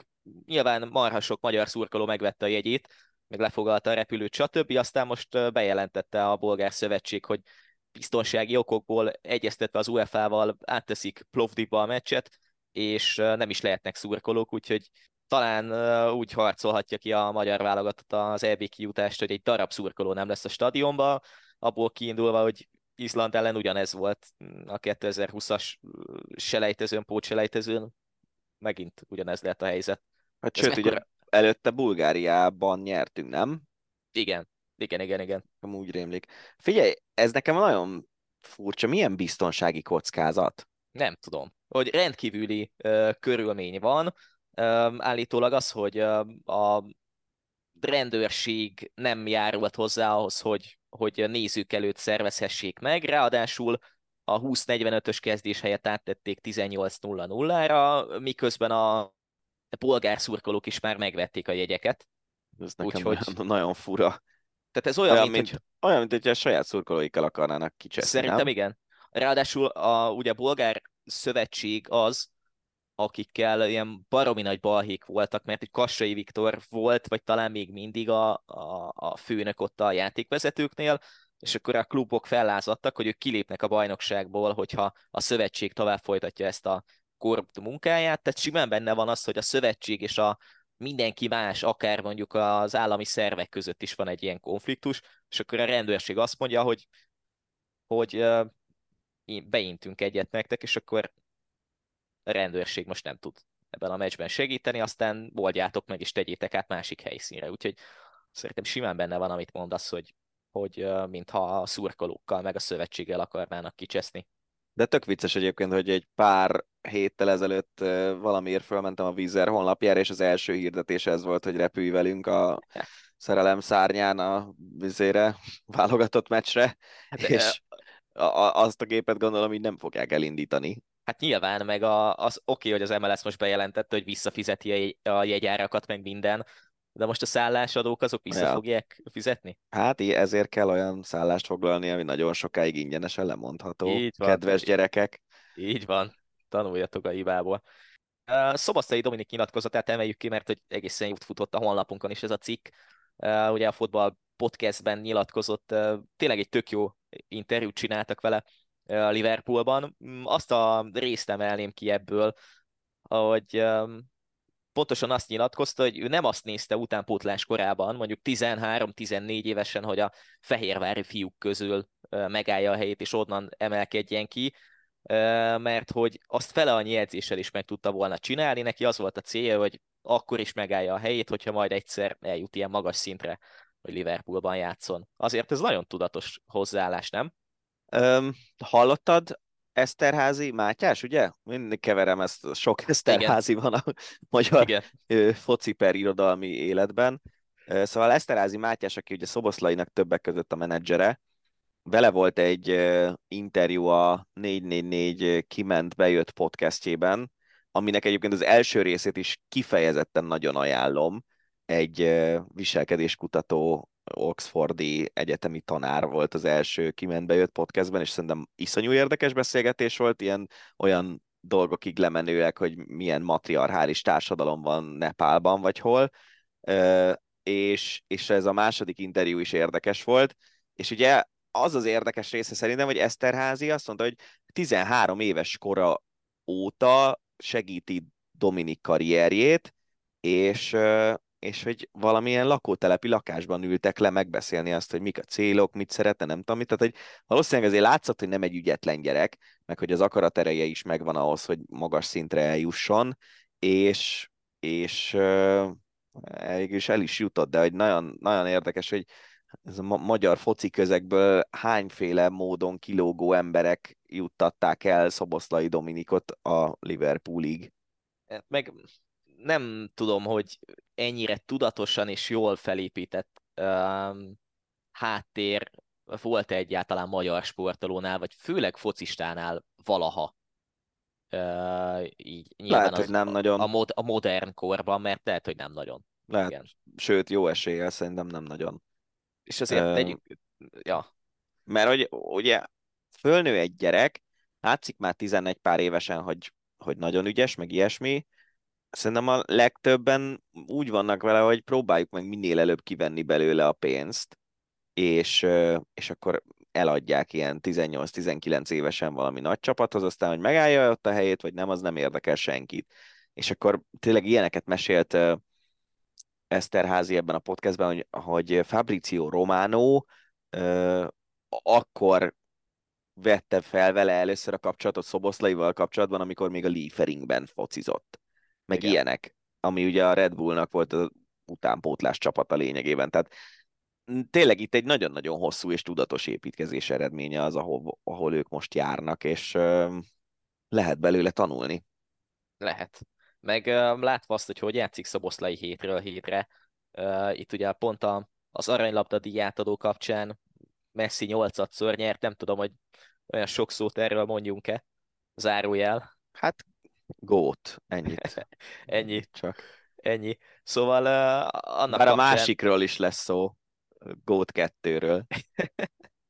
minden gótról lesz szó. De azért a, a legnagyobb gótról már, már volt Grande ról úgyhogy... Így van, az a lényeg. Így van. Szóval uh, sokan írták uh, külföldi, um, főleg angol uh, újságírók így az aranylapta szavazás kapcsán, hogy ők simán elképzelhetőnek tartják, hogy ha Szoboszle így folytatja, akkor előbb-utóbb ott lesz a 30-as listán, és nem arról beszéltek, hogy most ő uh, mindenképpen aranylaptás lesz két éven belül, de hogy de hogy simán elképzelhetőnek tartják, hogyha így játszik, tovább ilyen mentalitása van, akkor ő, ő szépen lépkeri ezeket a szinteket majd feljebb. Hát figyelj, most, hogyha végigjátsza így ezt a szezont, Liverpool mondjuk, bár nem tudom, hogy van, van-e még egyáltalán esélyük reálisan arra, hogy bajnokok legyenek, mert azért egész sok pontot elvesztettek már, de, de mondjuk mit én, az EL-ben sokáig menetelnek, a bajnokságban jól szerepelnek, és mondjuk a válogatottat beviszi a legjobb nyolcba a hátán, igen. Az már érhet ilyen top 30-as listát, de szerintem azért a, a top 30 és a top 5 vagy 10 az megint egy nagy ugrás. Igen. És azért Az nézd az- meg mondjuk azt, hogy Jude Bellingham mit csinál épp ezekben a hetekben, tehát hogy azért én abszolút átértékeltem a véleményemet Szoboszlairól, én azt gondoltam, főleg azért egyébként, mert nem nagyon néztem Lipcse meccseket tavaly, hogy, hogy engem meglepett ez a Liverpool igazolás, és nem gondoltam feltétlenül azt, hogy, hogy ő már ezen a szinten van, egyértelműen látszik, hogy ezen a szinten van, de ez a szint, ez még azért a aranylabda top 10 listától messze van, és még a top 30-at se éri el szerintem, de egyébként az, ugye az aranylabda az, az talán azért igazán jó, mert mindig lehet róla vitatkozni, hogy most akkor kinek Igen. kellett volna kapni, kinek nem, ilyenek. Úgyhogy azt gondolom, hogy ez, ez egy...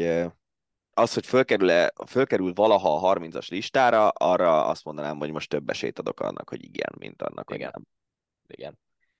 Cristiano Ronaldoról beszéljünk még, említetted Dani a másik gótot, mert hogy egy friss kimutatás szerint ez a heti buta statisztika mindig a, ez az IF, IFFHS nevű Mhm. nemzetközi szervezettől, szóval a 400. gólját is megszerezte szombaton az Al Nassr játékosaként ö, 30 éves kora után, és ezzel, ha minden igaz, akkor Romário, aki 30 éves kora után 441 gólt rugott, és a szerb uh, Alexander Duric, aki talán uh, 404 gólt szerzett, és most Szingapurban töltötte a legtöbb, vagy a legnagyobb időszakát a 30 éves kora utáni időszaknak. Szóval mögöttük Ronaldo a harmadik helyezett, és ezzel a 400 góllal, ezzel olyan listára ért fel, amin egyébként ott van egy picit hátrébb Messi is, aki 30 éves kora után 256 gólt szerzett, Lewandowski 254-et, szóval azért is gondoltam, hogy erről beszéljünk egy-két szót, mert nem tudom, hogy lehet-e hasonlítani ezt mondjuk ahhoz, hogy hogy fanflőten kapcsán arról beszélgettünk sokat mm, bringában, hogy igazán akkor indult be a pályafutása, amikor egy picit évről évre ért, és talán jobb versenyző lett. Djokovic kapcsán is beszéltünk arról, Szabó Gábor mondta azt, hogy talán még komplettebb játékosnak érzi most 36 évesen vagy 35 évesen érezte Djokovicot, mint mondjuk 10 évvel ezelőtt, és azért Ronaldónál meg Messinél is az a helyzet, hogy folyamatosan látjuk, hogy 30 éves koruk után nem nagyon csökken az, hogy most éppen hány gólt szereznek, és tök mindegy, hogy melyik csapatban játszanak, vagy melyik kontinensen játszanak. De Szóval- szerintem pont szóval e- ja. i- itt, itt, itt bukik meg ez a, ez a gondolat szerintem, hogy nem mindegy. Nyilván a Saudi ligában sokkal könnyebb gólokat lőni egy jó csatárnak, mint hogyha a Premier League-ben vagy akár a spanyol bajnokságban maradt volna. Ja, lehet, amúgy. ez, ez szerintem ez, ez egészen biztos, és, és tényleg szerintem nem mindegy. Tehát, hogy a, még Messinél is azért egy elég komoly esés volt, és nem tudom őszintén, szóval, hogy a Saudi vagy a, az amerikai liga az erősebb jelenleg, igazából mindegy Hát, is, ja, de az biztos, hogy az európai középmezőnybe sorolhatnánk őket, hogyha ezek Európa, európai bajnokságok lennének, és hogyha megnézed, mindig voltak emberek, akik a portugál, meg a holland bajnokságokban, meg Belgiumban lőttek 30 gólokat egy szezonban, aztán vagy befutott a karriert erősebb bajnokságban, vagy nem. És lehet, hogy a Cristiano Ronaldo az egész karrierjét a Sportingban töltötte volna, akkor most nem tudom, nem 400, hanem 500 gólja lenne a 30 Ja. fölött. Tehát, hogy nem, nem mindegy, és, és éppen ezért én azt gondolom, hogy ez egy jó, jó statisztika, meg minden, de hogy most, hogyha ugyanezen az elven azt mondhatjuk, hogy Varga Barnabás ugyanolyan jó, mint Holland, pedig tudjuk, hogy nem. igen. Ez jogos teljesen. Hát aztán lehet, hogy Varga Barnabás télen eligazol valamelyik topligába, és ott is rúgja a gólokat, aztán majd a- Legyen úgy, én sz- szurkolok neki nagyon, de, Ja. de most azt nem mondanám, hogy Varga Barnabás ugyanolyan jó, mint Holland. ez biztos. De lehet jobb ö, szerelése az aranylabda díjátadón egy nap, mint Hollandnak volt, mert hogy Miért, hogy Ö, nézett ki? Nem Hát láttam. a Hollandnak mindig van egy egyedi stílusa, és uh, most a pont néztem egy csomó videót az aranylabda díjátadó kapcsán a különböző, és ez tök érdekes amúgy, hogy különböző youtuberek meg tiktokerek kapnak egyre nagyobb lehetőséget, megjelenési lehetőséget aranylabda díjátadókon, és egy csomó uh, youtuber, meg tiktoker uh, most is meghívást kapott, és mindenki szinte Hollandal akar uh, fotózkodni. Úgyhogy hát ilyen csinosabb öltöny ben volt, de hogy azt az öltöny méretet, azt nem tudom, hogy hogy varratták neki, vagy hány hét alatt készítették el neki. De mi szűk volt, vagy bő? Hát ilyen szűkebb uh, divat volt, de hát, de ja. izmos fiatal emberen. Ennyi. Holland meg nem az a játékos egyébként, aki, aki mondjuk szerintem az érettségi bankettje meg a aranylabda díját adó között olyan nagy különbséget tenne, hogy melyikre öltözön fel különlegesebben, mert nagyjából ugyanúgy néz ki. Szerintem, úgyhogy, úgyhogy uh, ja, egyedi alakja Holland mindenképpen a focinak, és érdekes, hogy a, a, az, hogy ő mennyire máshogy uh, viselkedik, mondjuk akár így a pályán kívül, mint a többiek, nincsenek ilyen nagy sztár alkatjai, pont emiatt szeretik a, a fiatalabb videós, meg mindenféle contentet gyártók is őt, úgyhogy ez tök érdekes ebből a szempontból. Ha már ezen a vonalon haladunk, akkor az is kapcsolódik ehhez a témához, amit már beszéltünk az utóbbi hetekben mi is. Molnár Attila nyilatkozott most annak kapcsán, hogyha ő akár mondjuk elér egy olimpiai érmet, világbajnoki érmet, vagy Európa bajnoki dobogót atlétikában, ugye 400-as magyar csúcstartó futóról van szó, akkor befejezi a pályafutását, és akár már ilyen 26 éves korában abba hagyhatja a pályafutását, hogyha ez összejön neki. Uh, ugye Milán Kristóf kapcsán beszéltünk sokat erről, Pogácserék uh, kapcsán is beszélgettünk erről, Hollandot is ide lehetne sorolni, hogy nagyon fiatalon vannak, nagyon magas szinten, és ebből a nyilatkozatból is az jött le nekem legalábbis biztosan, hogy, hogy Molnár Attila is az, aki már 20 évesen ott van mondjuk VB döntő közelében egyéniben, és aztán ki tudja, hogy hosszú távon mennyi év lett a pályafutásában. Igazából nekem ez az interjú, ez abból a szempontból érdekesebb volt, hogy, hogy Molnár Attila mennyire ilyen, milyen jó szó erre, ambiciózus. Tehát, hogy az, hogy már egy VB-n ő, hát nem mondom, hogy nincs nagyon messze, mert azért a 3 tized az 400 méteren azért az viszonylag sok, de hogy körülbelül 3 tizedre volt, vagy egy szerencsés sorsolás esetén egy tizedre attól, hogy döntőt fusson a VB-n, de hogy azért ez azt jelenti, hogy 45 másodpercről 44 közelébe kéne mennie, hogyha ő érmes szeretne lenni. És, és ő mégis így nyilatkozik, hogy érmet szeretnék, aranyérmet, nem tudom micsoda, tehát nagyon, hogy mondjam, magasabbra lő sokkal, mint ahol jelenleg van. Csak ugye egy baj van ezzel az egésszel, hogy az ő bőrszíne az nem pont olyan, mint azoké, akik 400 méteren világverő eredményeket szoktak elérni. Ingvaldsen, ő fehérbőrű, ugye? Mm. Aki döntőt futott 400-on? Igen, igen, igen, igen, igen. igen. Tehát, hogy a, a, idén a budapesti VB-n egy darab fehérbőrű versenyző volt 400 méteren a, a döntőben. Igen. És Ingvaldsen is nagyon fiatal egyébként. Tehát ő is 21 éves, Attilánál talán egy évvel idősebb.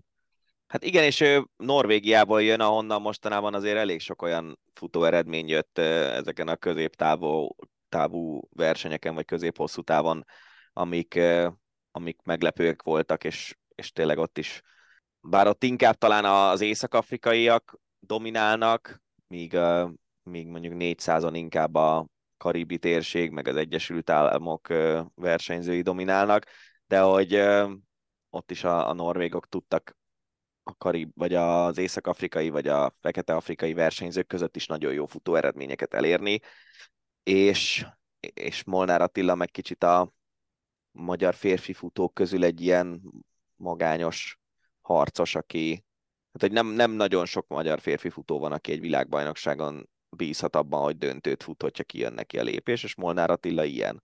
Igen. Érdekes egyébként, hogy szerintem az EB dobogóra arra simán lehet esélye mondjuk két-három éven belül. Hát figyelj, most, hogyha megnézed ezt a VB eredményt, hát igen. akkor ugye az elődöntőben volt nála egy-kettő jobb európai.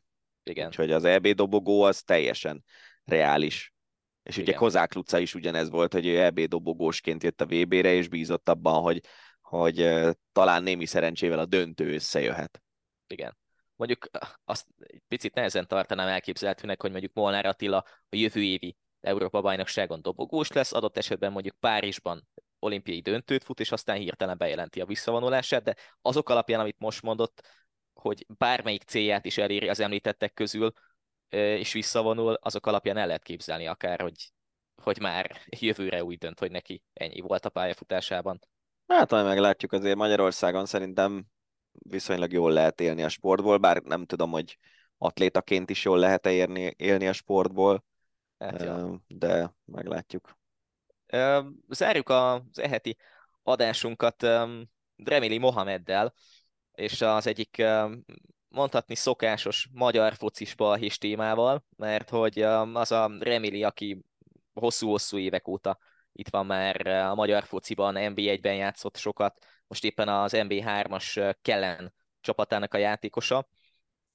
Egyszerűen lesétált a Csorna elleni NB3-as meccsen a pályáról, mert hogy a hazai szurkolók Hamasos robbantónak nevezték őt, és Remili azt mondta, hogy ő hozzászokott Magyarországon már ehhez a stílushoz, ehhez a szurkolói stílushoz, de hogy ez már uh, több volt neki a soknál, és uh, így 38 évesen azt gondolja, hogy neki már uh, erre nincsen nagyon szüksége, hogy migránsozzák, meg Hamaszos robbantónak nevezzék őt az MB3-ban.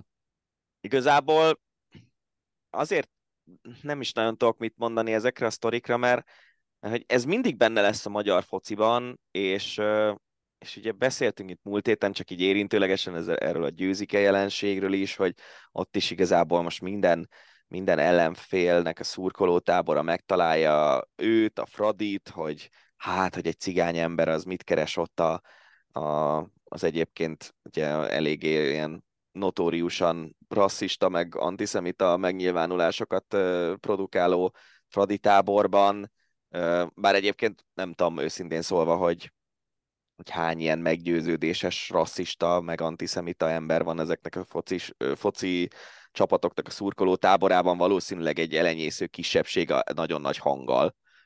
Nem tudom elképzelni, hogy 20 ezer rasszista ember legyen egy Fradi meccsen Igen, amúgy. Haza, hazai pályán. De e, ez a Remili sztori, ez meg ugye, hát nem tudom, kicsit az, hogy, hogy mit fog föl az ember a világból, nem?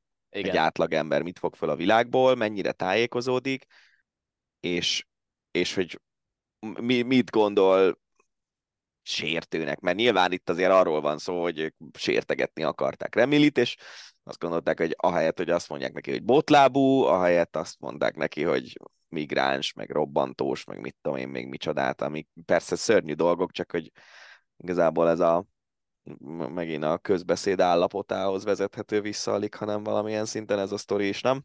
Igen, és abból kiindulva, hogy én azért voltam egy-két MB3-as meccsen az utóbbi években, akár a, a vásárhelyi csapat kapcsán, akár más MB3-as meccseken, mindig van legalább két-három olyan 70 mm, pluszos emberrel lelátónak, aki ezeket a sértéseket, tök mindegy, hogy éppen kinek címzi, lehet, hogy nem is ismeri az adott játékost vagy edzőt, de hogy, de hogy mindig valahogy össze tudja kötni, és nyilván Remilit ismerhetik a csornai szurkolók is, tehát tudhatják azt, hogy ő, mit tudom én, nem egy Magyarországon született magyar, kizárólag magyar felmenőkkel rendelkező játékos, szóval, szóval ez is érdekes, hogy hogy az a játékos, akit mondjuk az NBA-ben is lehet, hogy szittak már, és ő is elmondta, hogy szitták már a, a, tök mindegy, hogy milyen szidalmazások, meg milyen dolgok miatt, azt egy adott társadalmi friss téma alapján, mint most például az izraeli háborús helyzet,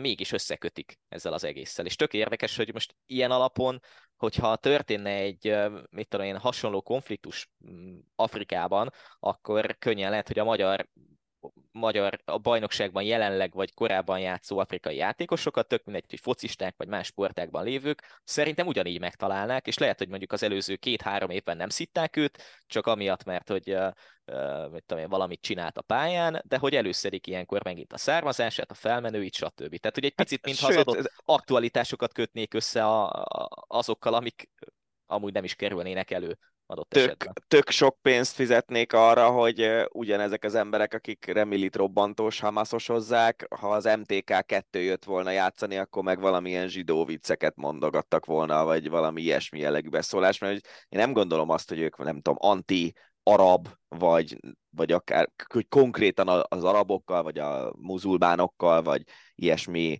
ö, embercsoporttal volt problémájuk, hanem hogy nekik mindegy, csak gyűlölködjünk, ahol lehet, nem? Igen. Hát ez Szerintem, nagyjából mindenhol így van, igen. Magyarországon sokkal több az ilyen általánosságban gyűlölködő ember, mint a konkrét antiszemita, vagy iszlám ellenes, vagy, vagy tök mindegy, milyen embercsoportot mondunk. Igen, uh, és, és tök érdekes az is, hogy mondjuk egy bármilyen kosárlabda meccs alsóbb ligákból, másod harmadosztályból, de akár az alcsoportban is megfigyelhető ez itthon. Példá, játsz... Például Hódmezővásárhelyen. Például ugye? Hódmezővásárhelyen, igen, de csak innen tudok kiindulni, hogyha játszik egy amerikai légiós a pályán, aki dob 22 pontot vagy 25 pontot az adott csapatnak, akkor egyből elkezdik őt színni, hogy takarodjon vissza oda, ahova való, vagy onnan, ahol született és ahonnan jött. És lehet, hogy úgy, hogy az ő csapatukban semmi. is van Hát nem? persze, igen. Tehát, hogy, Minden hogy csapatban mindegy, hogy... van amerikai. Igen, tehát hogy tök mindegy, hogy, hogy hogy van, vagy mint van, de hogy, hogyha valakinek csak az a bűne, hogy éppen nem Magyarországon született, és magyar az anyanyelve, és jól játszik, akkor már egyből lehet őt szídni, hogy... De amúgy, ha most már így e, ebben a témában vagyunk, szerintem a legviccesebb példa az az, hogy az izraeli válogatott ultrái Abu Fanit kezdték ki, aki Igen. az ő csapatukban játszik, csak éppen ő ugye pont egy, azt hiszem, hogy Izraelnek a, ha nem vesszük a palesztin területeket, akkor is nagyjából a lakosságnak a 10-15 százaléka az egyébként arab. Igen. Uh, és Abu Fani egy ilyen izraeli arab srác, aki, aki játszana az izraeli válogatottban, és próbál Izraelnek örömet okozni, vagy az izraeli szurkolóknak, ezek a majmok meg kifütyülik azért, mert ő arab. Igen. ugye, annyira szörnyű ez az egész, és nem tudom, hogy az emberiségben az mikor tűnik el, ha valaha eltűnik egyáltalán, vagy mikor mérséklődik olyan szintre, hogy azt lehet mondani, hogy ez már elhanyagolható, de, de nem, tényleg ezek a azért, mert valaki kicsit más, ezért utánunk kell megközelítése a, az életnek, ahelyett, hogy úgy állnánk hozzá, hogy kíváncsiak vagyunk. Miközben egyébként csomószor tényleg ugyanezek az emberek például kíváncsiak arra, hogy mondjuk mit tudom én, milyen milyen konyhája van egy adott országnak. Igen. Amikor elmennek nyaralni, akkor úgy próbálják a helyi életet is kicsit felfedezni talán, vagy remélhetőleg. Hát mindegy, szerintem ez igen. E, e, e, lehet, hogy ha lesz egyszer, nem tudom, 2073-ban, vagy valaki még csinál hosszabbítás podcastot, lehet, hogy ugyanez a probléma még akkor hát is igen. aktuális lesz. Igen, és még egy dolog ez a téma kapcsán, tök jó, hogy itt felhoztad a, a, a palesztin oldalt is, mert hogy az is a hét egyik nagy híre volt, hogy a Mainzban játszó egyébként holland ja. játékos Anwar El Ghazi gyakorlatilag amiatt távozott, vagy amiatt kellett, hogy távozzon a Mainz-tól, ugye Bundesliga csapatról beszélünk, mert hogy ő éppen a palesztin területek mellett állt ki. De ez, ugye, ez az egész sztori szerintem ugye nagyon nehéz, mert nagyon könnyen beskatujáznak. Én nem, nem emlékszem arra, hogy Elgázi, bár nem olvastam el az összes posztját, de a cikkeket, amik erről a sztoriról szólnak, azt elolvastam, hogy Elgázi nem mondta azt, hogy, hogy jaj, de jó, hogy lefejeztétek a kis Igen. izraeli babákat, meg túszokat ejtettetek, meg ilyesmi, hanem arra próbálta felhívni a figyelmet, hogy az izraeli ellencsapásban rengeteg civil hal meg Gázában, amit szerintem maguk az izraeliek sem tagadnak. Igen. És hogy azt mondod, hogy valaki Izrael ellenes azért, vagy an, sőt, ezt megint külön kell választani, tehát hogy vannak, vannak a, a, akik antiszemiták, és vannak, akik az izraeli államnak a cselekedetei ellen vannak, és, és egyébként ennek semmi köze ahhoz, hogy Izraelben zsidók élnek szerintem. Igen, igen. Szóval, hogy ez egy nehéz sztori, hogy, hogy, hogy szerintem az a nüansz hiányzik egy csomó emberből, amikor megítél másokat, hogy igen, azt mondja akárki, Elgázi vagy bárki más, hogy szörnyű, amit a Hamas csinált, de amit az izraeli ellencsapásban látunk, az is szörnyű. És hogy e, ez egy ilyen mondat, az már a mai ilyen cancel culture világban azt ér, a, a, a, a, olyan következményekkel járhat, hogy valakit kirúgnak a munkahelyéről. Igen. És Igen, tényleg és... nem, nem, emlé- nem tudom, hogy pontosan Elgázi mikről írt, hogy mennyire mondjuk elítélte a Hamásznak a cselekedetét, mert szerintem az, az megint egy ilyen teljesen magától értetődő dolog, hogy amit a Hamas csinált e, e, itt november elején, vagy nem is tudom, sőt, ez még októberben volt. Na mindegy, szóval amikor, ami ez, ezt az egész háborút beindította, ez a terrortámadás, ez egy szörnyű terrortámadás volt, ahol, ahol olyan dolgok történtek, amiknek egész egyszerűen nem szabad megtörténni az emberiségben, a Földön, és de ezzel párhuzamosan szerintem nyugodtan lehet azt mondani, hogy amit az izraeli hadsereg csinál sokszor, hogy mondjuk egy terrorista ö, megölésért cserébe 50, áldoz, 50 civil áldozattal a földig bombáznak egy házat, hogy az se oké. Okay. Igen. És tényleg az az érdekes, hogy mondjuk egy olyan élcsapata, aminek azért elég nagy a, a szerepe ahhoz, hogy a figyelmet felkeltse akár a foci világban, akár így a sportvilágban, mint egy Bundesliga csapat, azért elég fontos szerepe lenne abban is, hogy, hogy ezekben az ügyekben talán duplán átgondoltan döntsenek, és mondjuk egy ilyen miatt adott esetben ne rúgjanak ki egy játékos, nem?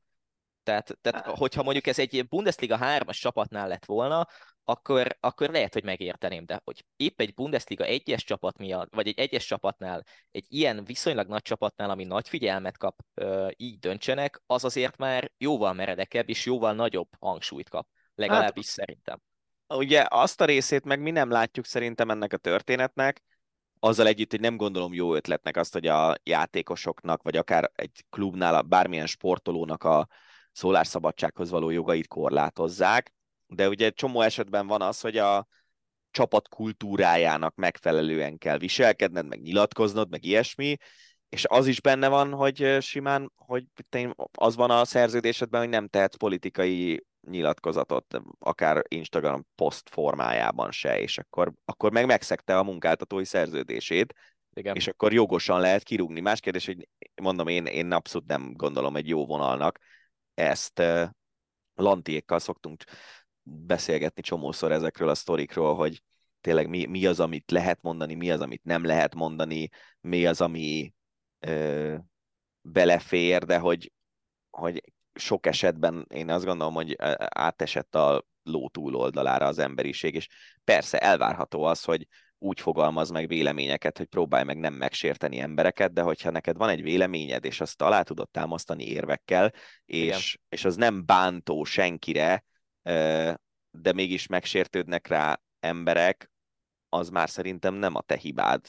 Nem igen. tudom, lehet, le, remélem érthető, amit mondani Persze, próbálok. Igen.